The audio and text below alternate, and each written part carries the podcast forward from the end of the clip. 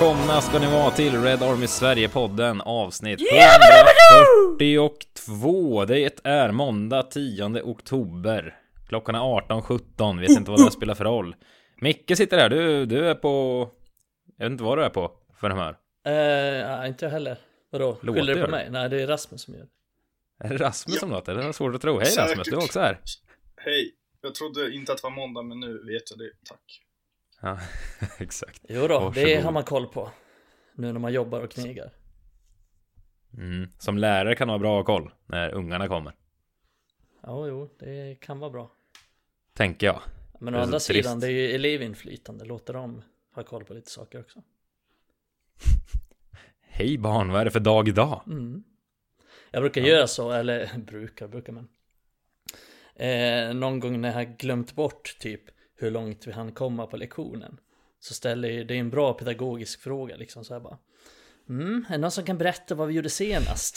så är det egentligen för att inte jag minns vad vi gjorde. Är det ingen uh, unge som sätter dit det någon gång då? Nej, vadå, hur skulle de sätta dit mig på det? Nej, tänker att de säger ja, det får du svara på. Mikael. Nej, tror du de vågar kaxa upp sig så mycket eller? Ja, det, jag har fått för mig att unga kaxar upp sig mot det mesta nu för tiden. Ja, jo, men inte mot mig. Det vet du. Nej, men nu vet jag. Nu vet Komma du. på studiebesök någon gång till din skola. Ja, du får jättegärna göra. Kom och föreläs. Mm. Jag vet inte vad du ska Ja, föreläsa om, men Det vet inte jag heller. Jag har ändå hållit på med journalistutbildning och grejer. Jag kan väl komma och föreläsa om det fria ordet eller något sånt. absolut, det kan du göra. Du är Ja, välkommen. Det blir mäktigt. Ja. Rasmus, ska du med? Eh, Nej. Nej, du är ute Det där. blir inget. Nej, Det Rasmus har berättat om en ordet finns stökig... ändå inte längre. Det är säkert avskaffat om några år. Ja. Men eh, Rasmus har berättat om en stökig, stökig helg som ligger bakom honom här också innan vi börjar spela in. Så det lämpar sig inte bland ungar tänker jag. Nej, det, nej. Nej. det kan bli vad som det. helst om Rasmus kommer och föreläser där. Nej, jag menar det. Han missade till och med United-matchen igår har han eh, meddelat, men såg den i efterhand. Otroligt. Somna. Vakna i 61 eller vad sa du? Ja, men det stod 2-1 så det var ganska bra. Jag hade kunnat vaknat när det stod 1-0. Då hade jag ju bara somnat om igen. Ja, eller så 4-0 eller något, det vet man aldrig heller. Men men, vi ska väl eh, kanske börja prata fotboll också på riktigt här nu. Eh, sen senast vi spelade in, jag, och Micke och Adam, så vi får inte glömma att vi mötte Omonia i Europa League också i torsdags och vann med 3-2. Vi ska inte prata mer om den matchen. Nej, eh, Men för protokollet så har den spelats. Och så slog vi Everton igår söndag med 2-1. Vi, alltså, jag bara tänkte på det efteråt. Att så här, det var en enormt jäkla viktig seger känns det som. Med tanke på 0-4 mot City där och ändå halvknackigt mot cyprioterna vann med ett mål mot de rackarna. 04 Visst. hittar du på en. Vad blev det i City? Nej, Blev det 0 4-0? det var att det stod 0-4 i uh, halvtid. Nu är det stökigt här. Men uh, dundertorsken i alla fall. Vi stod det 4-0 i halvtid i alla fall. Mm. Eller Ja, helt och sen borta blev med. det Ja. 6-3. ja, det var där jag var. Jag, Och inte första gången, eh, det var inte första gången det stod 4-0 i halvtid. 4 Nej, United den så. precis. Nej. Fjärde gången sedan 2019. Mm, och andra gången bara den här säsongen. Vilket är sjukt nog. Ja, Ja, ja, Skrä- det är om det, det är om det. Det om det. Men eh, visst var det en lite extra viktig seger kändes det som. Alltså det... Otäckt om Everton hade kvitterat här på slutet tycker jag. Eller vad säger du Micke? Ja, fy fan, jag satt där och bara, nu kommer ett Carrot Lewin kvittering i 94. Fy fan också. Eh, och det är ju, nu var ju de Gea bra tycker jag överlag. Eh, kanske sin bästa match för säsongen faktiskt, alltså vad gäller proaktiviteten, liksom spelet med fötterna och hur många gånger han kom ut och sådär. Men på slutet då är han ju verkligen fastklistrade på linjen och då var jag riktigt jävla nervös. Eh, och då tänkte jag att nej, nu, nu blir det så här. Men vi har bra eget straffområde eh, mot Everton. Eh, faktiskt. Och jag håller med, det var en extremt viktig seger. Eh, för laget på, på väldigt många sätt faktiskt. Så det får man vara nöjd med. Mm. Ja, eller Rasmus, du håller också med när du såg matchen i efterhand. Ja, jag håller med. Men man blir ändå lite nervös och det är ju onödigt att det ska behöva vara så varje match. Jag skrev det när jag koll, eller skrev matchanalysen, kollade upp, då har de ju fem av de sju segrarna den här säsongen har ju varit med uddamålet. Så man har ju en tendens Mm. av att inte lyckas stänga matcher och då bör man ju sitta där när Everton får fyra hörnor på tilläggstid och vara orolig. Men nu löste det sig och det var ju väldigt skönt. Mm, Men det har vi faktiskt pratat om mycket. Vi har pratat om Mm. det i podden förr också under Solskär eh, kanske främst, men eh, Ragnik också. Det, alltså, det fanns ju ändå matcher där vi var klart bättre än motståndarna, tror eller ej. Men vi hade ofta, ofta svårt att stänga då också. Man tänkte så här, gör bara 2-0 så är det avgjort. Men nej, man skulle hanka vidare och ha 1-0. ja, Eh, Det är konstigt. Det är konstigt, men det är framförallt spelet jag tänker på. Alltså det kan ju vara så att man leder bara med ett mål men ändå stänger till det ganska bra, ganska, ganska, på ett ganska säkert sätt. Eh, nu känner jag ju mycket att, ja men ta den här första halvleken som, ja men trots baklängesmålet i mångt och mycket var väldigt bra, en av de bästa halvlekarna United inte gjort den säsongen. Eh, och sen kommer den andra halvleken och det känns som att vi någonstans faller in i gamla hjulspår, alltså vi blir passiva.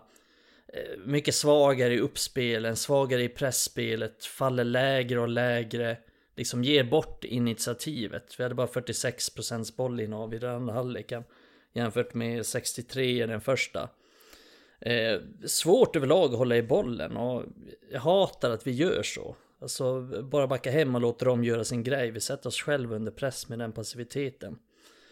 Eh, Så det är väl eh, det jag känner kring det, att man någonstans... För i den första halvleken så tycker jag ändå att då ser vi ett Erik Ten Hag-lag på i mångt och mycket. Men i andra halvleken då faller vi in i det där gamla. Och det är precis som du säger, det är passande att du tar upp det Emil, där med eh, just med Solskär och vi såg det under Ragnik och ja, men vi faller in i gamla hjulspår där och blir väldigt passiva och ganska svaga i många aspekter av spelet som vi inte var i den första halvleken. Men tror du det är mentalt att det sitter i? Dels, la ja, vi är ju inne på det, vi tre också, att det var lite extra viktig seger här efter City-torsken och så vidare och så vidare. Alltså, kan det vara en sån grej plus att det kanske sitter kvar från de som har varit i truppen länge, liksom att det, att de har haft svårt att stänga eller har man bara inte förmågan? Nej men jag tror det är, det är klart de har förmåga liksom. Det är, vi såg ju första halvlek, de kan ju spela. Eh, och göra det bra. Vi har ju sett det några gånger den här säsongen där till och från så ser det bra ut. Men det är någonstans där. Jag tror att det är delvis mentalt men också någon slags...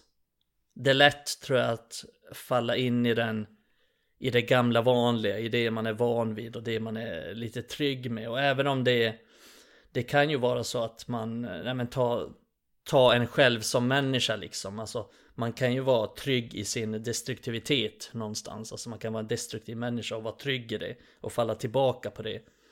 Eh, och det är ju samma här i fotboll, även om det inte har gett resultat så är det ju någon slags trygghet i att ja, men det är så vi har spelat de senaste säsongerna och det är tryggt att falla tillbaka på det och det gör man ju någonstans omedvetet. Man vill ju, de vill ju inte göra det men någonstans så, så gör de det omedvetet och det tyckte jag blev extra tydligt i den här matchen. Alltså, först den första halvleken ganska tydlig identitet, Ten Hag-identitet och sen den andra halvleken väldigt passiva. Mm. Men Rasmus, du som eh, som sagt sitter och kör matchanalys efter varje match i princip. Tänk att du grottar ner det ganska rejält när du skriver dem. Har du någon tanke så vad man kan göra för att bli bättre på att stänga? Är det bara att man ska fortsätta trumma på och liksom pusha framåt trots ledning eller vad ska man göra egentligen? Alltså jag tycker vi har ju inte, alltså de, som jag sa innan, vi har ju vunnit fem, fem av våra sju vinster har ju varit med uddamålet.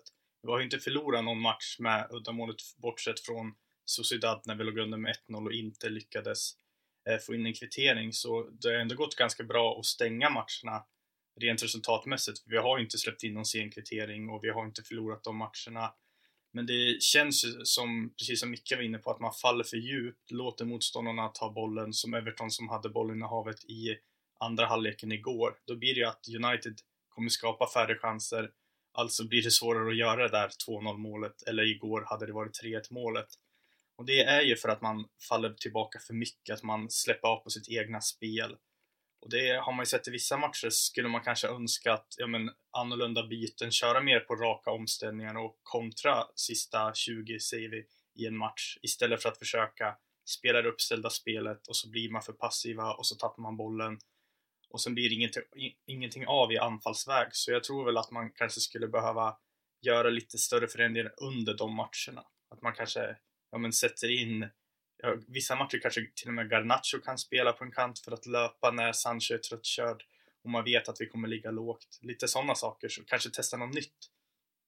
Mm, jag, jag kan ju hålla med om det och Rashford är en sån till exempel. Jag skrev det i interna chatten också att eh, Speciellt i den andra halvleken. Jag tycker Rashford överlag var bra så det är inte det men alltså Han har en tendens att bollen är liksom en halv meter ifrån honom och så bara går han där bredvid.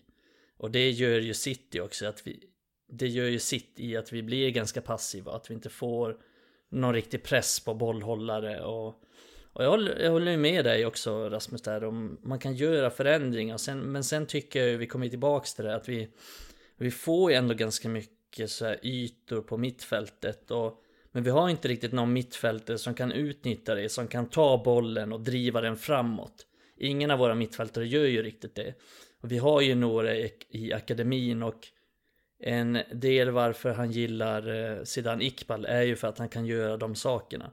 Men vi har ju andra, till exempel Kobe Mainu, en sån spelare som, som liksom kan ta bollen och driva den framåt. Eh, och kan dribbla på mittfältet och det är oerhört viktigt tror jag i dagens fotboll men också i Ten Hags lag att kunna utnyttja de här ytorna som man får. Eh, men det är också en del i att varför vi inte är lika bra alltid. Och det är för att vi inte har den typen av spelare heller och det, det kan man sakna. Mm. Jag såg också det lite, ja men i matchen igår när det, ja, men när det blev, eh, ja men Rashfords 3-1 mål och sen när det blev bortdömt. Att man bara, det verkade som spelarna kände, åh nu är det lugnt, nu leder vi med två mål, nu kan vi slappna av. Och sen blev det lite att, shit det blev inte mål, nu måste vi vara helt påslagna igen. Så det känns ju som att spelarna inte riktigt kan slappna av och det har väl kanske också lite med det hela att göra att man kanske, ja men precis tänker på de här gamla tiderna att oh shit, vi leder bara med ett mål, vi måste verkligen vara påslagna, vi har inte råd att göra några misstag bakåt och då blir ju det också en effekt att eh, anfallsspelet blir drabbat av den, ja men man kan inte kalla det panik, men det märks ju på spelarna att de verkligen inte är trygga i att leda med ett mål. Nej, och precis som jag sa innan också att eh, nu hyllade jag ju de Gea innan och som sagt tyckte han var ganska bra igår. Men eh, det blir ju svårt alltså för, för backlinjen på slutet när han står kvar på linjen och man liksom får nicka bort den nästan från eget målområde. Alltså det är skitsvårt att försvara. Speciellt när Everton är ganska tunga på, på det och ganska bra på det. Och då är det ju än viktigare att vi får, får till vårt spel. Att vi dels har bollen så att inte de kan slå de här inläggen och anfaller lika mycket. Men också att vi får press på bollhållaren så att de inte kan slå in de här inläggen. Nu fick de ju stå och måtta hur mycket som helst och hade den här matchen liksom spelats fem minuter till, ja men då tror jag de hade fått in en kvittering. Eh, så det är, det är någonstans där också att man blir alldeles för passiva och låter motståndarna komma in i vårt straffområde med på ett ganska enkelt sätt. För Everton gjorde ingenting speciellt. De gjorde ingenting Eh, de gjorde ingenting särskilt bra, utan de fick den här möjligheten. De fick en gratis möjlighet att göra saker som de är ganska bra på också. Mm. Jag tyckte också det var lite anmärkningsvärt att Ten Hag väntade till 92 eller vad det var med att byta in eh, Varan när det var som det var. Det liksom bombades in bollar i, i boxen. Alltså ska han byta in Varan så gör det i 85 åtminstone när det liksom när det redan fanns ett tryck. Sen kanske det också är det mentala spelet så att säga. Att eh, sätter han in varann så då accepterar han inom citationstecken att nu är vi nedtryckta och, och liksom ja, ska bara försvara oss till det. Så det kan väl spela in också såklart. Men vad mm. tycker ni? Nu sitter vi bara och pratar om slutskedet i princip. Vad, vad, alltså, vad tyckte ni om, om matchen överlag? Om insatsen överlag? Första halvlek var vi inne på. Det var ju faktiskt uh, väldigt trivsamt tyckte jag i stora delar. Även om det var det var ganska slarvigt, både Everton och United slarvade en hel del i passningsspel och så tyckte jag. Men alltså visst var det överlag rätt bra alltså.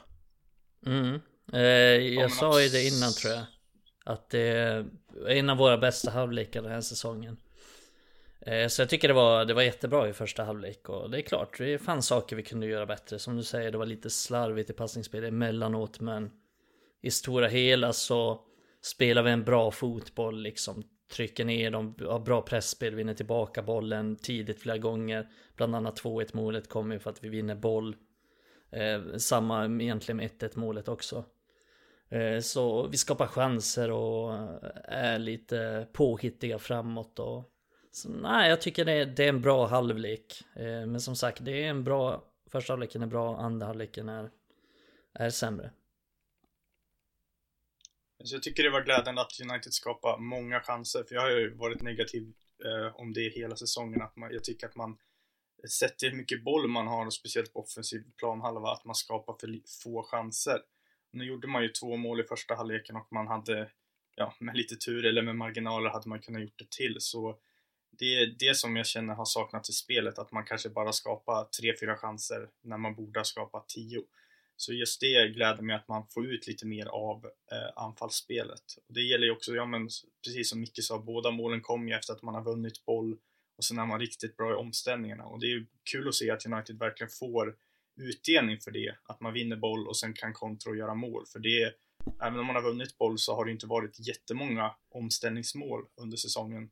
Och det är väl något som United alltid har varit bra på och som de här spelarna som spelar, till exempel Martial och Anton är ju riktigt bra i omställningarna. Så det är ju eh, roligt att se att man får ut någonting av det. Mm, men vi tror det är fler, alltså ganska många djupledslöpningar också. Till exempel eh, Bruno Fernandes som vi också snackade om i interna chatten där. Att han, han är ju ingen eh, bra liksom han är inte så bra i uppspelsfasen, han bidrar inte så mycket där och att Ten Hag snarare ska försöka använda honom på det han är bra på. Och det han är bra på är ju att ett, ta sig in i straffområdet, ta djupledslöpningar. Han springer mycket, han orkar springa mycket och han eh, är bra på att ta löpningar i djupled. Eh, och det gjorde han eh, på ett väldigt bra sätt och det gjorde att United skapade ganska många chanser också. Och sen är han ju två, liksom han är bra på, han är ganska bra på att avsluta vanligtvis. Han är, han är liksom bra skott, han är, han är en bra sista boll och sådär. Och det, där tyckte jag United utnyttjade honom på ett mycket bättre sätt än man gjort tidigare. Jag tycker han gjorde en av sina bästa matcher. Eh, men också målet som Anthony gör, vilket jag gillar. Att han tar den här djupledslöpningen, att han är på tå där. Eh, men också att, ja men vi, en stor anledning till att vi var så bra var ju också för att Martial var tillbaka i laget, vilket vi inte ska glömma.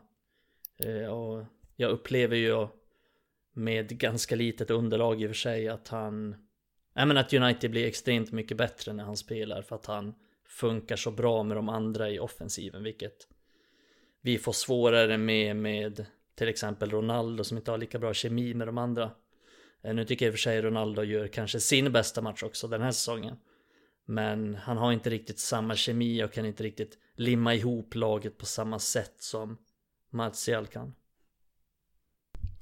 Nej, jag tänker vi ska återvända till Martial eh, snart, men jag tänker bara det du var inne på med Bruno och, och så vidare.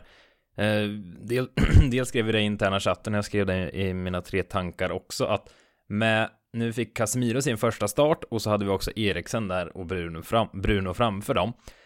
Med det inne mitt fältet så får ju Bruno möjlighet, som du var inne på, att göra det han är bra på. Han behöver inte ta det här ansvaret som han har känt sig nödgad att ta sen han kom till klubben egentligen och gå ner och vara den som styr spelet också och komma upp och, och vara med i avslutslägen och så vidare. Det tror jag att vi har väldigt mycket att vinna framöver på att ha ett bolltryggare mittfält än vad vi vad vi haft tidigare. Och det är ju Casemiro en stor del i. Jag tycker han, han är ganska bra spelare igår som sammanfattar första halvleken. För han var riktigt bra i många aktioner och man såg hur fruktansvärt duktig han är. Men samtidigt fanns det en hel del slarv. Han slog bort, eh, ja han var ju högst inblandad i, i baklängesmålet där, eh, där han tappade boll, även om det inte var en jätteschysst passning han fick kanske. Men han tappade boll vid ett par andra tillfällen också. Men alltså Rasmus, vi har ju skrikit efter Casemiro, eller vi, jag vet inte om du har gjort det, men väldigt många har skrikit efter honom. Vad, vad känner du så här dagen efter när han fått sin första ordentliga start i United? Men jag känner också precis, alltså, man fick ut mycket av Casemiro igår, både bra saker och dåliga saker. Men man fick i alla fall en bild på hur det kan se ut med honom, Eriksen och Bruno tillsammans. Innan har man ju varit lite skeptisk till, ja men har vi någon trio på mittfältet som verkligen kan fungera? Det har inte fungerat, men det vi hade förra säsongen, under inledningen av säsongen, har inte varit jättebra heller. Det, det jag fortfarande är lite kluven till, det är ju om man klarar av att spela med eh, Eriksen och Casemiro tillsammans bakom Bruno mot bättre lag än Everton. Och det fick vi se lite igår med bolltappen och så, att där känns det som att backlinjen blir väldigt sårade när vi tappar boll på mitten. Och med Casemiro och Eriksson tillsammans så kommer vi tappa mycket boll. Då krävs det väldigt mycket av försvarslinjen eller att övriga spelare eh, samarbetar för att vi inte ska bli straffade som vi blev i 1-0 målet igår.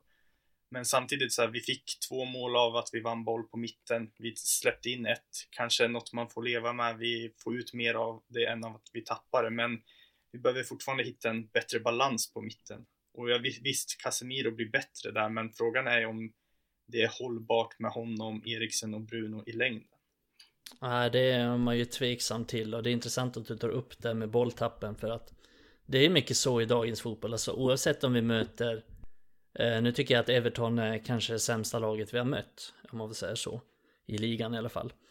Eh, och, och trots att vi liksom, när vi tappar boll, då blir vi straffade direkt, till och med mot Everton. Eh, och direkt Everton tappar boll så blir de straffade av United. Så det är otroligt, det är otroligt kostsamt helt enkelt att tappa boll på mittfältet. Numera i den liksom professionella fotbollen på den högsta nivån för att man blir straffade direkt. Och jag tycker ju att de flesta mål United släppt in den här säsongen är ett resultat av att man tappat boll på mittfältet och då är det otroligt svårt att försvara sig. Till och med det bortdömda målet mot Arsenal är ett resultat av det. Att varann tror jag slår en felpassning och så. Och så gör de ett mål på det sättet. Det det jag komma till är väl att jag håller med dig om Casemiro och Eriksen där. Att jag tror att vi kommer fortsätta tappa boll om vi spelar dem. Det är lite... Nu har inte jag studerat Casemiro så mycket när han spelar i Real Madrid. Jag har ju sett såklart några matcher med honom och sådär. Men jag har aldrig riktigt eh, kollat på honom individuellt. Men jag tycker att han hade en del problem i i uppspelsfasen. Jag ställer mig frågande hur bra han egentligen är där. Eh, I liksom passningsspelet. För jag tycker att han har en del problem vad jag har sett hittills i alla fall. När han blir pressad och när han står framför backlinjen och ska sköta upp spelen. Tycker inte han verkar vara så bra på det. Eh, det jag däremot tycker att han är bra på det är väl att han verkar fungera bättre när han gör lite som, ja men typ som när Fred spelar. Eh, då är Fred har ju haft flera olika roller i United. Eh, både förra säsongen och den här rollen. Och den här säsongen. Och det är ju dels att han, han är väldigt dålig när han står framför backlinjen och ska skjuta upp spel och bli pressad. Då han benägen att tappa boll. Men eh, när han kommer högre upp i planen och får utnyttja sin aggressivitet, aggressivitet och vinna tillbaka bollen tidigt. Då är han skitbra. Och lite samma känner jag med Casemiro. Eh, att han för jag tyckte mig se det under matchens gång att han började i första halvlek där i början. Så var han lite längre ner. Men sen kom han upp mer och mer. Och det kan vi se också på att han tog sig in i straffområdet ett par gånger. Men han är bättre helt enkelt när han får ligga lite högre upp, lite fritt, kan pressa, eh, få utnyttja sin aggressivitet och vinna tillbaka bollen. Och det var ju så vi gjorde det andra målet också.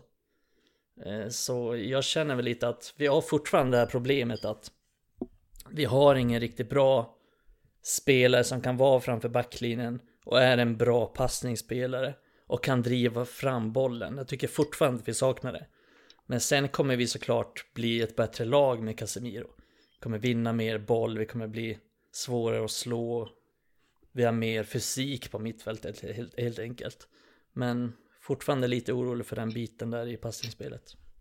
Mm. Alltså, jag, det jag gillar med Casemiro jag håller med om att det, det, tycks finnas en del brister så i passningsspelet. Men det jag gillar är att han, alltså han är så auktoritär på något sätt på mittfältet. Han liksom går in och äger det på, alltså bara med sin aura på något sätt. Och han vill ha boll hela tiden. Han, mm. Även om han kanske inte är toppspelaren för att ha boll hela tiden så vill han ha boll. Han hjälper sina medspelare. Jag har ju hatat på McTominay väldigt länge i den här podden för att han gömmer sig. Eh, nu har han varit bättre på det eh, senaste månaden här, men det tycker jag man verkligen får ut från Casemiro, att han vill ha boll. Han, alltså har Lindelöf eller Martinez bollen igår, då finns han där som ett alternativ hela tiden. Som, som när baklängesmålet kom, nu var det väl Antoni som gav honom bollen där i och för sig, men eh, det är samma där. Han kanske inte ska ha bollen, men han visar sig och hjälper ändå till och vill ha bollen. Och det, alltså det har jag saknat väldigt mycket i United, så jag är glad bara för den sakens skull. Sen är han ju Alltså han är en jäkel på att läsa spelet alltså och ligga rätt i position och bara komma in och bry, bryta och det mm. Till skillnad från typen sån som Van Bissaka om man tänker på honom som alltid är spektakulär när han bryter bollen med glidtackning och grejer så är det snarare tvärtom här tycker jag att man bara ser Han läser spelet och så går han in och, och liksom bara nallar åt sig bollen och kan, kan starta anfall det, mm. Nej, jag tror vi kommer ha glädje av honom. Sen är det nog lite lurigt för honom som lirat med, med liksom Toni Kroos och Luka Modric i Real Madrid i många år. Det här med, med passningsspelet, alltså han har ju inte behövt ta något som helst ansvar i upp, uppspelsfasen där tänker jag. Nej. Nu ska jag brasklappa och säga att jag ser inte La Liga jätteofta, men man har ändå sett Real Madrid, alltså en del matcher där och Champions League och jag har inte liksom, som du var inne på Micke, man har inte tänkt på hur han är i passningsspelet riktigt, för det har liksom funnits två andra spelare som som sköter det. Så jag, det är lite svårt att säga vart han står där. Men mm. det är nog en ganska stor förändring för honom att ramla in i, i United här där han ska ha mer boll som, som laget är byggt nu. Precis, och sen säger jag inte att han är någon dålig passningsspelare, för det är han ju inte, men det är inte hans största styrka helt enkelt och det är inte det han är bra Nej. på. Och det är en bra poäng där med, han har spelat med, med Tony Kroos, han spelar med Luka Modric. Han har inte behövt ta något ansvar i det. det är och kanske United... mest bollskickliga ja, mittfält i världen. Exakt. Liksom. Han är, hans roll har varit extremt tydlig där. Eh, så det är ju, det är ju någonting han kommer behöva anpassa sig till. För han kommer behöva ta större ansvar här i, i bollspelet. I, i transporten om man säger så. Alltså transportera fram bollen helt enkelt. Slå passningar, driva fram bollen. Och det är inte någonting han riktigt är van med från, från Real Madrid. Men jag, jag tycker ju därför att man ska ska ändå utnyttja hans styrkor, det han är bra på. Alltså vinna tillbaka bollen och det tycker jag eh, Det tycker jag United gjorde ändå i, i delar av matchen i alla fall. Att man utnyttjade de styrkor han har.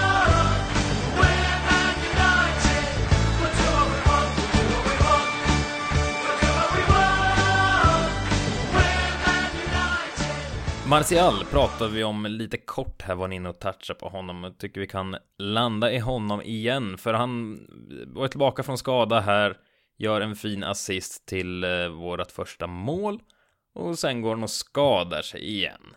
Rasmus, vad ska, vad ska vi göra med honom? Tidigare har man varit irriterad för han, eller skadorna har ju satt stopp många gånger för honom också, men man har också varit irriterad för bristande intresse vad det verkar från hans sida och eh, ingen prestation. Men nu när han är, alltså han har ju varit så bra när han väl har kunnat spela den här säsongen. Men så är han skadad igen. Alltså vad, vad ska man göra? Vart står du i Martial? Så jag är precis, eller jag är inne på samma sak som Mikael säger att United blir mycket bättre med Martial på planen och därför är det så tråkigt att han inte ska kunna hålla sig skadefri under en längre period.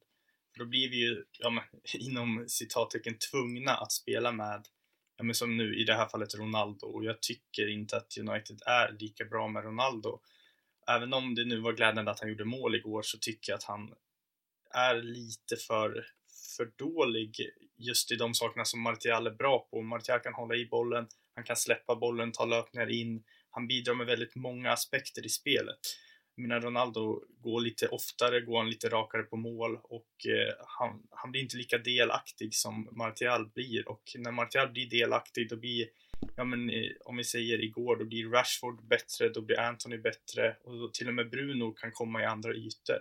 Så för kollektivet så är Martial väldigt viktig och när han inte kan spela så blir det ett helt annat spel. Och det är svårt att bygga för vi har ingen ersättare som är som Martial vi kan sätta in Elanga eller Sancho och flytta Rashford centralt, men då blir det inte samma spel. Så jag tycker mest att det är tråkigt att han inte kan hålla sig skadefri för att jag vet att många tycker att han kanske inte håller måttet och det skulle vara väldigt glädjande för mig om man kunde motbevisa alla hans tvivlare att han verkligen är en riktigt bra anfallsspelare. Ja, Micke, vad känner du där? Ja, ja det, är ändå, vid. det är ändå galet hur mycket han har levererat sett till att han haft typ tre olika skador och aldrig fått någon momentum i spelet. Han hade eh. bättre målsnitt än Håland så inför matchen igår. Ja men det är helt sjukt. Vad mycket poäng. Och sen assist också. Vad spelade han nu? 29 minuter eller någonting. Eh, så en poäng där också. Nej men det är egentligen helt ja. sjukt. Alltså, han, han kan ju vara så ofantligt bra när han har det rätta självförtroendet och det rätta förtroendet. Så det är bara att hoppas att det inte är något allvarligt helt enkelt. För jag håller helt med Rasmus. Alltså, han är, jag ser nästan honom som en av lagets viktigaste spelare just nu. Och det På grund av de sakerna som Rasmus säger. Vi har ingen ersättare för honom.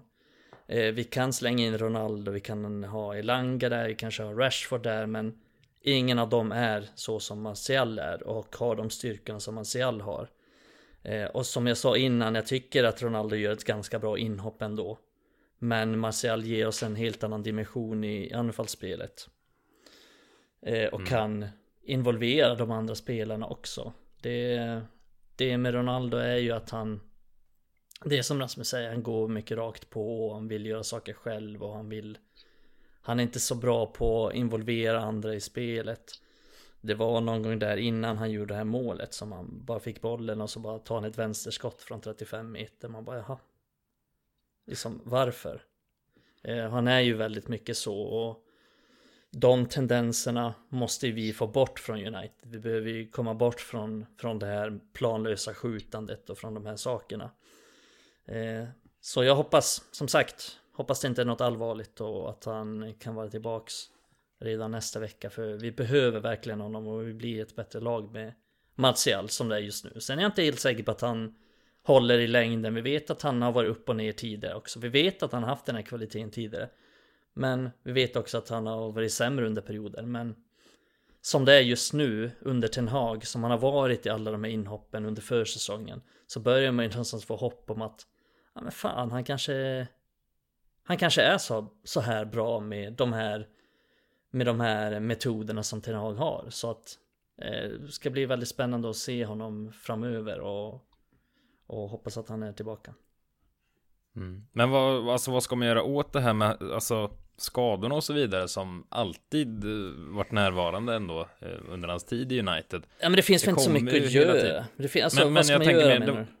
Ja men det var någon i, i, interna chatten igår som, som skrev att Alltså det går inte längre, sälj honom Han är ja. skadad hela din Det kan varit i frustration såklart men Hur långt tålamod kan man ha det? Kan man Ska vi kunna förlita oss på en spelare som liksom Lirar tre matcher sen är han borta en månad och sen fortsätter det så hela tiden det, Går, alltså går det att hålla tummarna att det liksom att han ska läka och bli hel på riktigt igen? Nej, alltså det är, väl, det är väl klart. Alltså vi måste ju ha en ny anfallare. Det, jag tycker inte det är ena utesluter det andra. Vi måste värva en ny anfallare.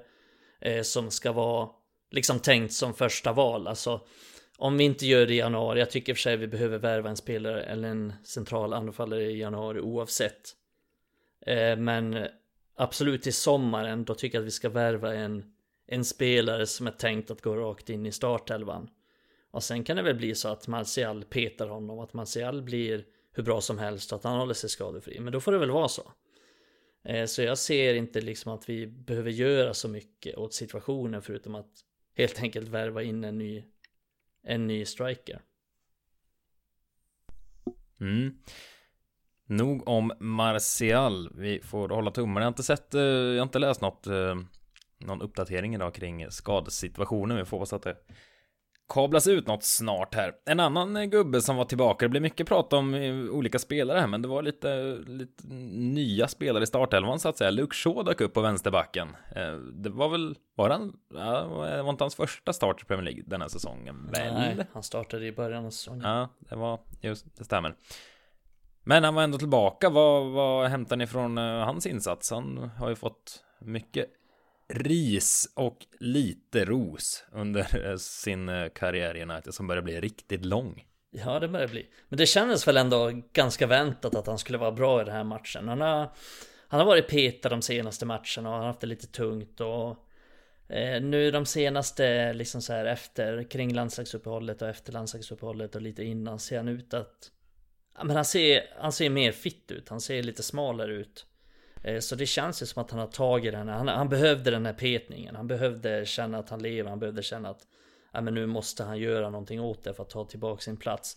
Och det känner ju verkligen att han har gjort. Och det är ju det, är det han behöver. Vi, nu när vi pratade innan om Martial så har vi alltid pratat om också att han, han behöver känna förtroende. Men jag tror Luke Shaw behöver känna att han har konkurrens, att han kan bli petad, att hans plats inte är given. Eh, så det är skitbra för honom. Jag tycker att han liksom i grunden är en eh, bättre spelare än vad Malaysia är. Eh, och det tycker jag vi kan se i den här matchen. Liksom, han, han, är bra, han är bra passningsspel, han är bra på att driva upp med bollen. Men han är också bra i en mot en situationerna mycket bättre än vad Malaysia är. Och det ser vi flera gånger här där han kommer tillbaks Dels med sin snabbhet men också att han är så pass stark att han Både kan springa förbi dem och trycka undan dem eh, Sen är han ju men Han är ju liksom väldigt allround Han är ju bra, rätt bra i luften och Och liksom en, en bra ytterback på så sätt att han har många strängar på sin lyra Men det är ju Det är, det, är det att han ska hålla sig motiverad som känns som hans största, absolut största problem. Kanske hans enda problem också. Till och med. Om, om man ska men, säga så. Men som du är inne på att han såg mer fitt ut igår än vad han gjort på länge. Alltså det, det är ju mm. bra såklart. Men mm. alltså det irriterar mig samtidigt att man ens ska behöva lägga märke till det med en professionell fotbollsspelare. Det, alltså, wow. Ja, men ja, ja, man ska väl inte älta det här nu när Nej. han tycks vara i form. Men att det ska vara så här, gå upp och ner i vikt rent ut sagt. Det är ju... Ja men jag vet ju inte vad, vad som ligger bakom. Ja det är ju egendomligt men jag vet inte vad som ligger bakom de sakerna. Alltså liksom, fan vet jag om han har någon sjukdom eller det kan vara vad fan som helst. Men det är ändå, ja, det är ändå egendomligt att, att det händer hela tiden. Och, och det, jag vet, någonstans känner jag väl att det går i linje med att han är att han är lite lat, att han är lite bekväm kanske är ett bättre ord. Att han är att han behöver en spark upp i arslet. Han behöver bli petad några matcher för att känna att ja, men nu måste jag verkligen börja jobba för min plats. Annars så får inte mm. jag spela någonting. Eh, sen var han ju Det var därför jag hade lite på känn att han skulle Dels att han skulle få starta den här matchen Det var ju för att Malaysia inte har varit så bra på sistone om, om man säger så Men också för att han var ju väldigt bra i Englands match däremot Vilken otrolig assist han gjorde mot Tyskland mm. eh, För England Så då kände man väl också att ah, Han verkar vara lite på gång och tror att han kommer få starta nu för United och det fick han ju mm. Eh, Rasmus, hur ser du eh, framöver här, Luke Shaw och, eh, och Malaysia, just vänsterbackspositionen, hur, hur tycker du man borde matcha där? Uh, först ska jag väl säga att Luke Shaw gjorde mål mot Tyskland. Som var snyggt. Ja, ja, ja, ja det gjorde han också. Men han gjorde en, ja. det var inte assist han gjorde, han gjorde en, jag tänkte mer på den här passningen han gjorde till Sterling tror jag. Så Sterling gjorde ju som han brukar göra, det vill säga missa, men han spelade fram till ett friläge till honom. Men sen gjorde han mål ja, som var snyggt. Ja, men jag har varit så svag idag. Jag har sagt fel på allt, så jag vågar inte rätta mycket. Jag tänkte, vad, visst gjorde han Nej, sen är du också van... Inte, så jag satt tyst Nej, här. sen är du också van vid att jag extremt... Nej, det händer ju aldrig. Att jag säger fel. Du, så att...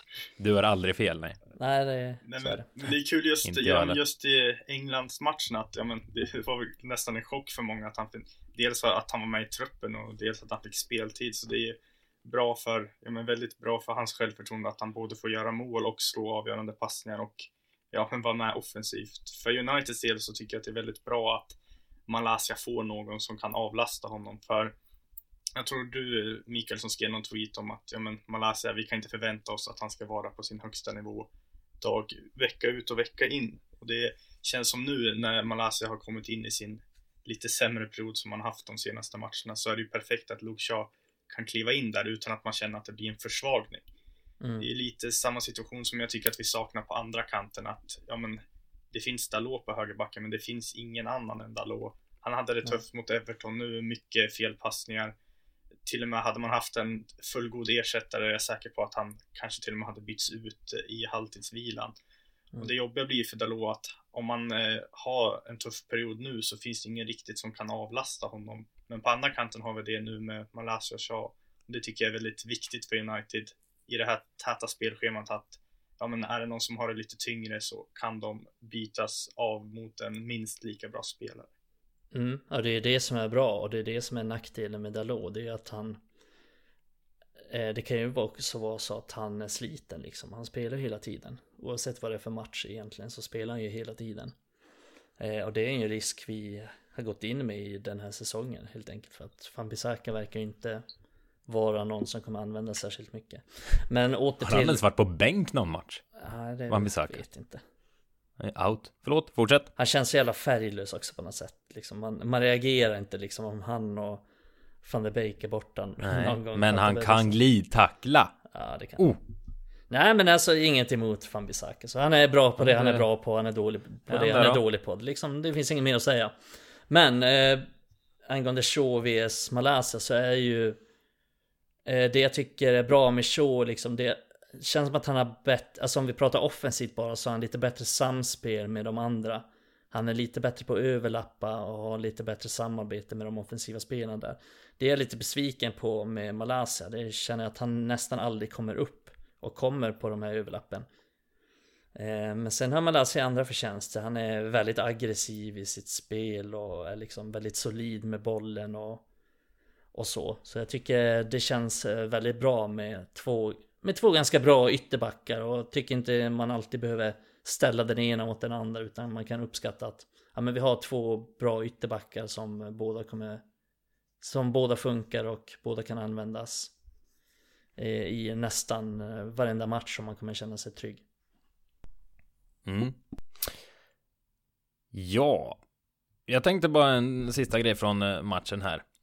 Så visst känns det som det är rätt spelare som gjort mål för United senaste matcherna. Men det menar jag att så här, spelare som vi vill ska vara i målstim. Liksom, gör Casemiro mål så är väl det bra, men det är liksom så här, jag struntar i om inte han har gjort mål första tio matcherna. Men nu, Antoni mål igen. Han har gjort mål i sina tre första Premier League-matcher. Första spelaren som gjort det i United tror jag var den statistiken jag läste mig till.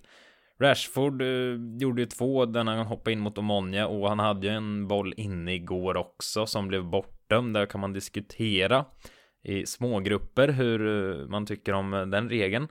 Eh, Martial eh, som sagt var poäng och mål i förra matchen och nu kom Ronaldo in och gjorde mål också. Det eh, känns väldigt bra i magen att alla de liksom är inne i eh, vad ska man säga målform av något slag. Det behövs väl Ja, jo, nej men det, känns skönt.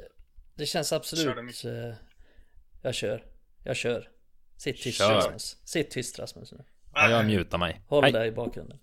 Nej Nej, jag håller med. Tycker det känns bra. Framförallt viktigt tror jag. Speciellt om Martial ska fortsätta vara borta. Att Ronaldo fick göra mål. Tror att Man säger vad man vill. Han gjorde sitt 700 eh, mål På klubbens nivå. Bara det är helt sjukt Eh, men jag tror ändå, bara med det, med det sagt att han har lidit av eh, väldigt dåligt självförtroende på sistone och jag tror att det var väldigt viktigt för honom att få göra det personligen. Men jag tror också att det är väldigt viktigt för United, för om Martial ska fortsätta vara borta så är det viktigt att vi har någon som kan göra, som kan göra mål också. Och Ronaldo är ju tveklöst en, en otroligt bra målskytt på alla sätt och vis. Så att, eh, jag tror att det var viktigt att han fick göra det här målet, att han eh, någonstans kan komma igång, att vi kan få användning för honom. För som det har varit tidigare under säsongen så så har vi ju egentligen, alltså han har ju varit snudd på sämst på plan varenda match han har spelat. Men jag tror att med det här målet i ryggen, med den här ganska bra insatsen som han gjorde så, så kommer han höja sig och det tror jag kommer bli viktigt. Ja, men det jag tänkte säga, ja, men det är ju skönt att få spelare som gör fler mål också, inte att man bara sprider det som det var lite i början att ja, men Rashford gör mål, någon annan gör mål och så är det den som har gjort flest mål i laget har gjort tre. Utan nu är det ju Anthony har gjort tre mål, Rashford har gjort några, Ronaldo kommer förhoppningsvis igång och gör fler mål nu. Det får vi verkligen hoppas på. Men som en spelare som Anthony, jag tycker inte att han har varit jättebra i matcherna, men han har blixtrat till och så har han gjort mål i han har gjort mål i sina tre matcher i Premier League, men jag tycker inte att han har varit så bra spelmässigt. Och där är det väldigt viktigt att om man har, ja, men jag tycker att han varit lite dålig i spelet, men målen har rättat upp det.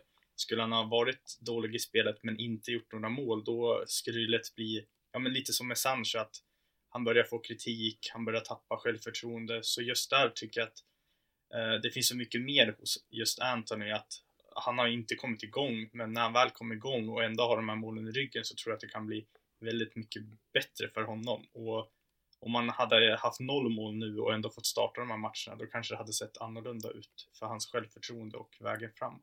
Ja, och vi vet ju också att hur lätt det är att få kritik om man spelar i United och inte riktigt presterar. Vi kan ju se det med Sancho nu, även om det är på en ganska mild nivå, men drar vi det stora lasset så har vi sett spelare som Maguire, Rashford och så vidare och så vidare som har fått enormt mycket kritik och som Ja men eh, mm. uppenbarligen tycker jag. Alltså det är uppenbart att det har tyngt dem på, på väldigt många sätt. Och fortfarande tynger dem, speciellt Maguire då. Eh, men det som är intressant med Anthony är ju att vi diskuterade lite innan också. Och det var ju lite trenden i Ajax att han kanske var väldigt bra spelmässigt men inte gjorde så många poäng som han önskade sig. Och det kom ihåg att vi diskuterade sen när han väl kom att ja men så mycket poäng har han ju ändå inte gjort i Ajax. Eh, men nu är det ju lite tvärtom att han har varit väldigt bra poängmässigt men kanske inte lika bra spelmässigt och då drar jag ju slutsatsen om att han liksom har båda delarna i sig. Att han kan vara väldigt bra spelmässigt och förmodligen kommer bli bättre och bättre spelmässigt. Men han också att han har den här, han har det här poängspelet i sig. Det tycker jag vi ser ganska tydligt att han är bra i, i de avgörande situationerna med eh, skotten utifrån och med liksom hans avslutningsteknik. Men också att han, han har det i sig att kunna slå avgörande passningar också. Med instick och med eh, genomskärare. Så eh, det känns ganska spännande där med Ante nu och det tycker jag är tydligt i den här matchen också. Faktiskt att vi har ju saknat en högerfotad eller en vänsterfotad högerytter liksom som kan skära in i banan och, och göra de här grejerna som han gör så eh, väldigt positivt bara att han att han fortsätter att göra mål och tror att han kommer bli bättre och bättre. Mm. Jag kände mig helt säker på att han skulle göra mål igår när han kom i läget där. Det säger någonting om en spelare mm, ja, kan jag tycka. Det, lite det jag menar. Självklart. Med, ja, men lite det jag menar med avslutningstekniken. Ja. Man kände Nej, på sig liksom att han, han är säker i de situationerna. Nu är Pick, pick, Pickford. var ju Pickford ändå på bollen ska väl sägas för protokollet bara. Men det kändes ändå som den här kommer sitta och det gjorde den. Pickford har lite för korta armar. Ja men Pickford har fan mig räddat Everton många gånger den här säsongen. Ja. Till hans försvar. Eh, mm. Så det är... Ligans bästa försvar eller vad det hette. Ja, och det var ju mycket mm. tack vare Pickford att han har räddat dem väldigt många gånger den här säsongen. Men mot United kunde han inte stå emot. Nej. Så är det. Eh, kommande vecka här, eller ja, vi är inne i, i den här veckan, så ska vi till Cypern igen tänkte jag säga. Vi ska inte till Cypern, men Cypern ska till Manchester, för det är returmöte mot Omonia i Europa League-slutspelet igen på, eller gruppspelet heter det. Det går inget bra för mig då. Eh, och sen på söndag är det United mot Newcastle, bägge matcherna hemma på Old Trafford. Eh, och och Monja tycker jag inte vi behöver snacka upp jättemycket, men alltså visst sopar man väl banan med dem hemma på Old Trafford i alla fall, va? Det var... Det var inte... Det var inte det bästa laget jag har sett. Nej, det lär ju United göra och jag hoppas att... Det går inte att tappa poäng. Nej, nej det går inte. Jag hoppas att lite som det jag sa innan angående mittfältet, att vi inte har någon spelare som kan driva upp bollen, som kan dribbla på mittfältet, som kan liksom utnyttja de ytorna vi får på mittfältet. Så jag hoppas att vi testar typ Zidane Iqbal i den matchen eller, eller Mainu som kan som kan ta de ytorna och se hur, det, hur väl det fungerar. För att det är inte så stor risk att spela en av dem i den här matchen. Vi kommer nog vinna den ändå. Jag tror att vi kommer ha ett ganska starkt lag ändå.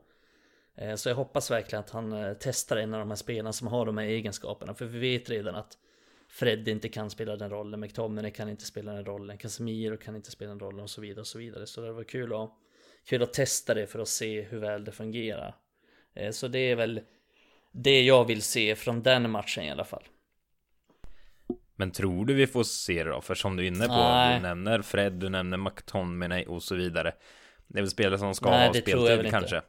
Ja, precis. Och speciellt med tanke på att McTominay är avstängd mot Newcastle så han kommer ju definitivt spela mot cyprioterna och sen kommer väl förmodligen Fred också göra det och ja mm. men vem vet Van der Beek kanske är tillbaks till och med eh, så det jag har väl inte så mycket hopp om det men eh, det hade varit intressant att se för vi vi vet som sagt att de andra inte kan göra det så det hade varit värt att testa det tycker jag vi kommer inte mm. få så många enklare matcher den här säsongen Nej, det har jag svårt att tro. Men eh, som sagt, nog om den. Eh, United mot Newcastle sen på söndag. Men eh, jag känner ju här eh, de här två matcherna.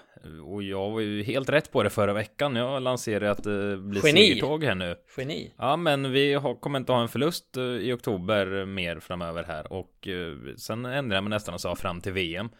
Så segertåget rullar väl vidare här va, torsdag, söndag. Rasmus, har du något att invända där?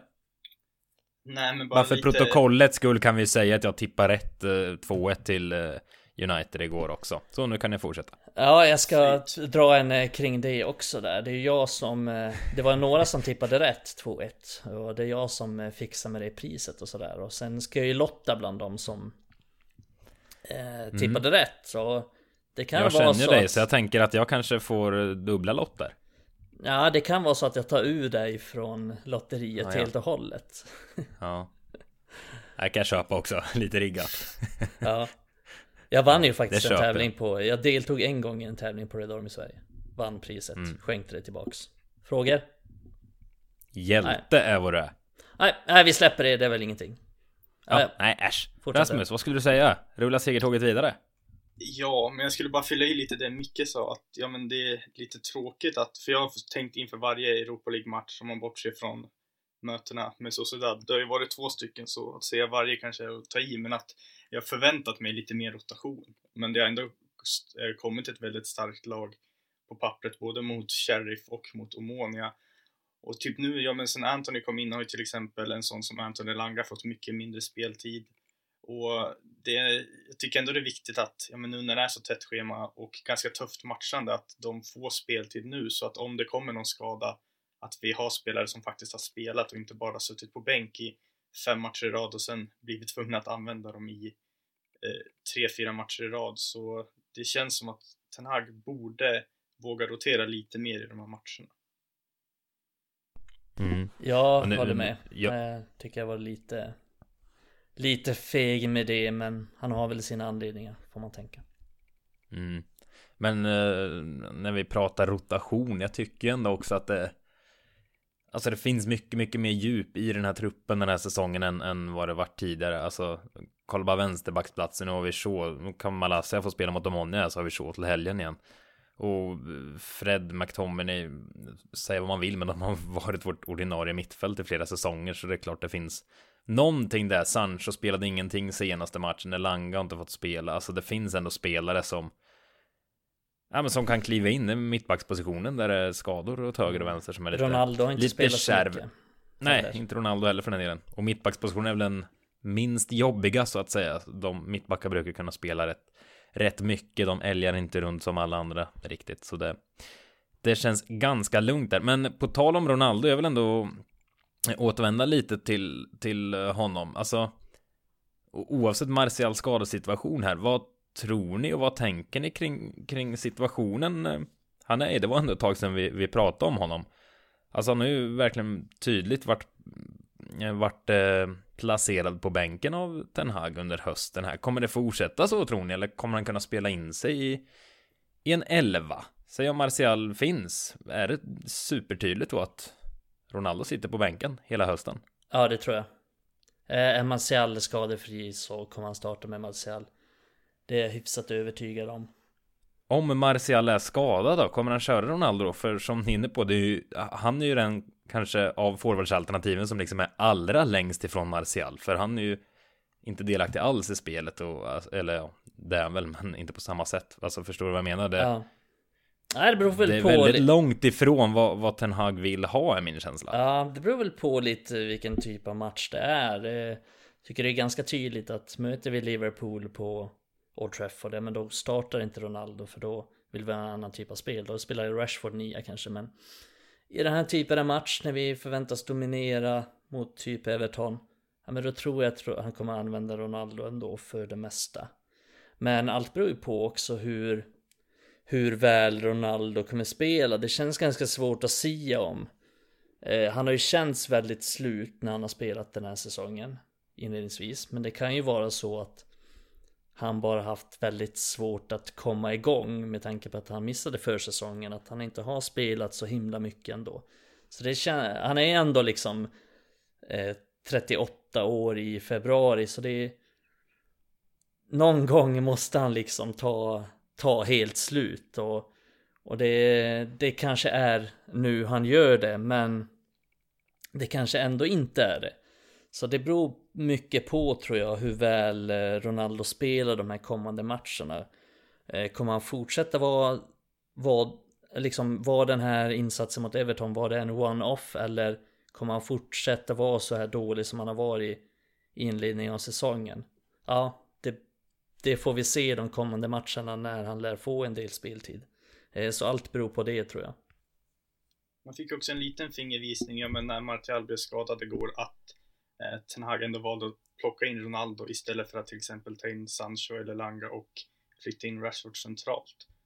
Det finns väl ändå en liten tydning där på att ja, men han vill att Ronaldo ska spela och han tror fortfarande att Ronaldo kan bidra med vissa saker. Så jag tror nog mer på att eh, han verkligen vill spela Rashford till vänster, Anthony till höger och att då Ronaldo blir det bästa alternativet för att slippa flytta på Rashford. Mm. Ja, nej, och alltså sen ska man ju inte Alltså jag är väl kanske den största motståndaren till Ronaldo tänkte jag säga. Alltså inte rent så, men jag, jag tycker inte han är särskilt bra längre och jag har lite problem med hans persona också och lite ageranden han gjort som eh, jag inte tycker att man ska heja fram liksom. Men eh, man, man ska inte dra det för långt heller. Alltså han, han, kan ju fortfarande göra mål, det såg vi förra säsongen. Han är inte bra i spelet, det tycker inte jag heller.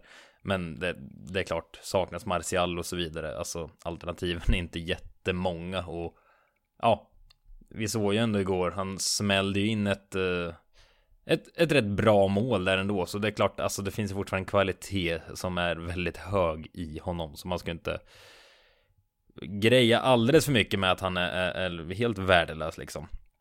Men eh, ja, sen tycker jag det blir intressant att se. Alltså, vi, vi har kommit mer än halvvägs eh, av den här höstsäsongen nu, liksom fram till, till det blir VM-uppehåll. Det blir lite intressant att se om Ronaldo skulle vara bänkad, för det här kan vara hans sista stora mästerskap med Portugal.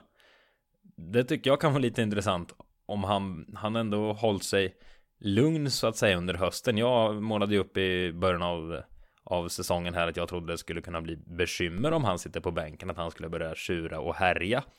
Mm. Det har man ju inte upplevt riktigt utåt i alla fall.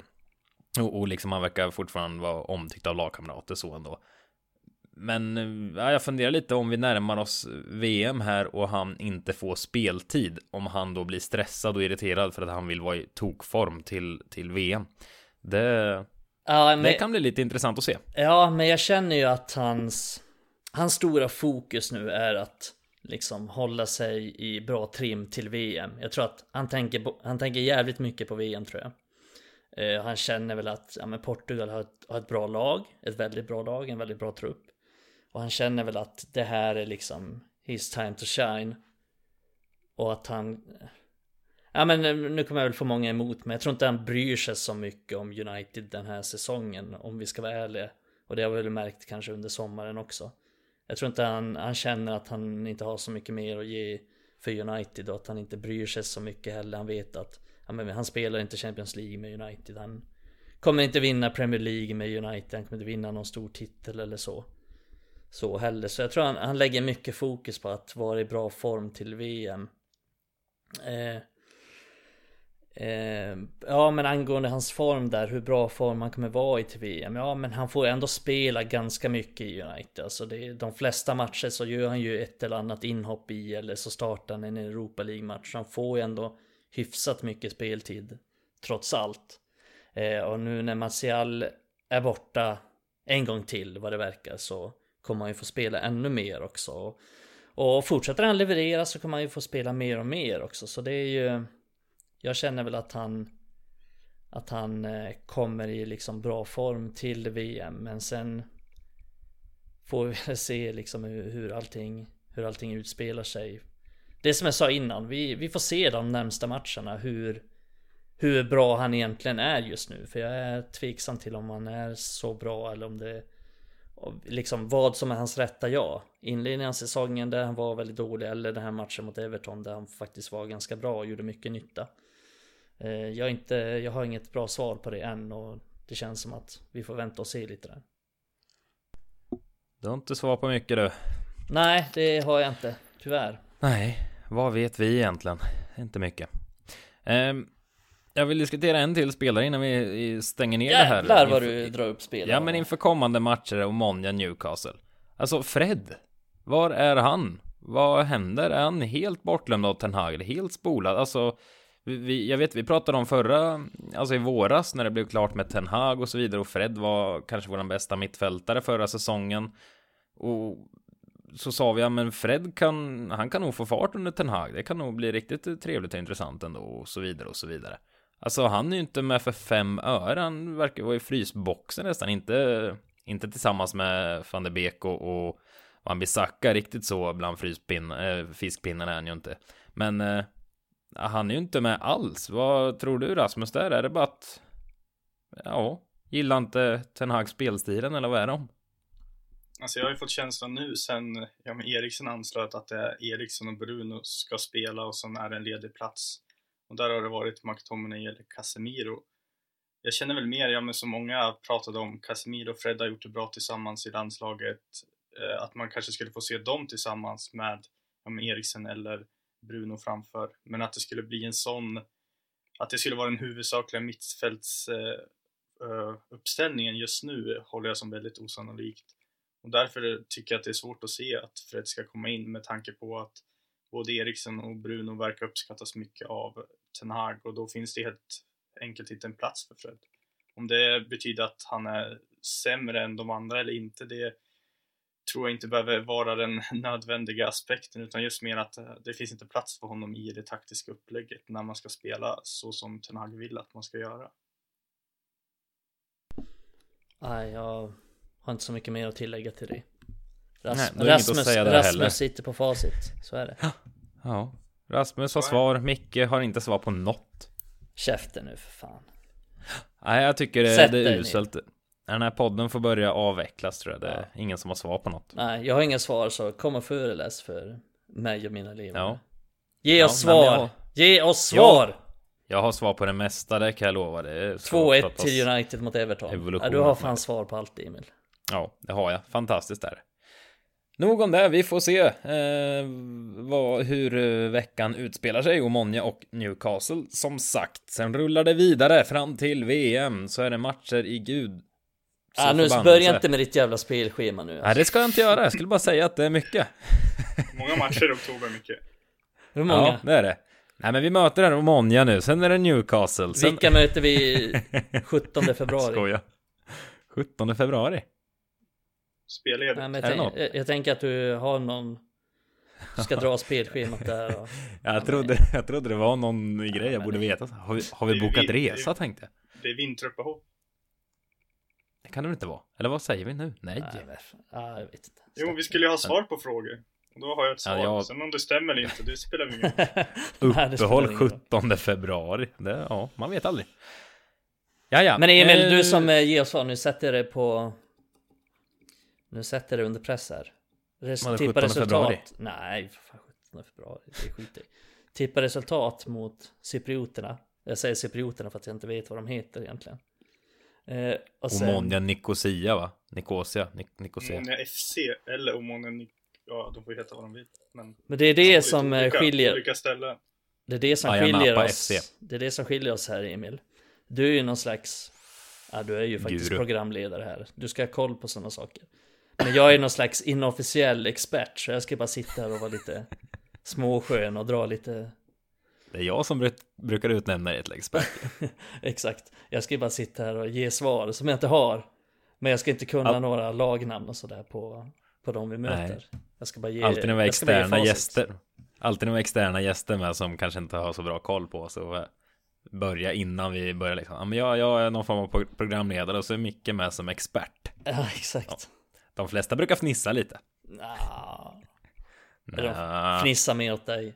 Tänker vad är det för jävla vara. stolle som håller på? Ja, det undrar jag med. Nej, men Omonia slår vi faktiskt med 4-1. Jag tror det blir, det blir grejer, men vi håller ingen nolla. Det gör vi aldrig. Nej, mot Newcastle då? Eh, Newcastle blir 2-1 igen. Yes, då kommer vi ihåg det. Ja, då har ni E min eviga respekt om du Behöver ni inte se matcherna ni som lyssnar.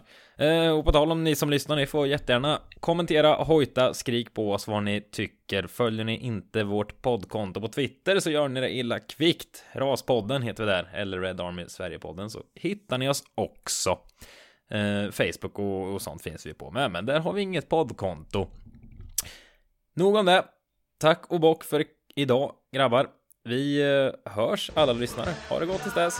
Hej, hej. Hej.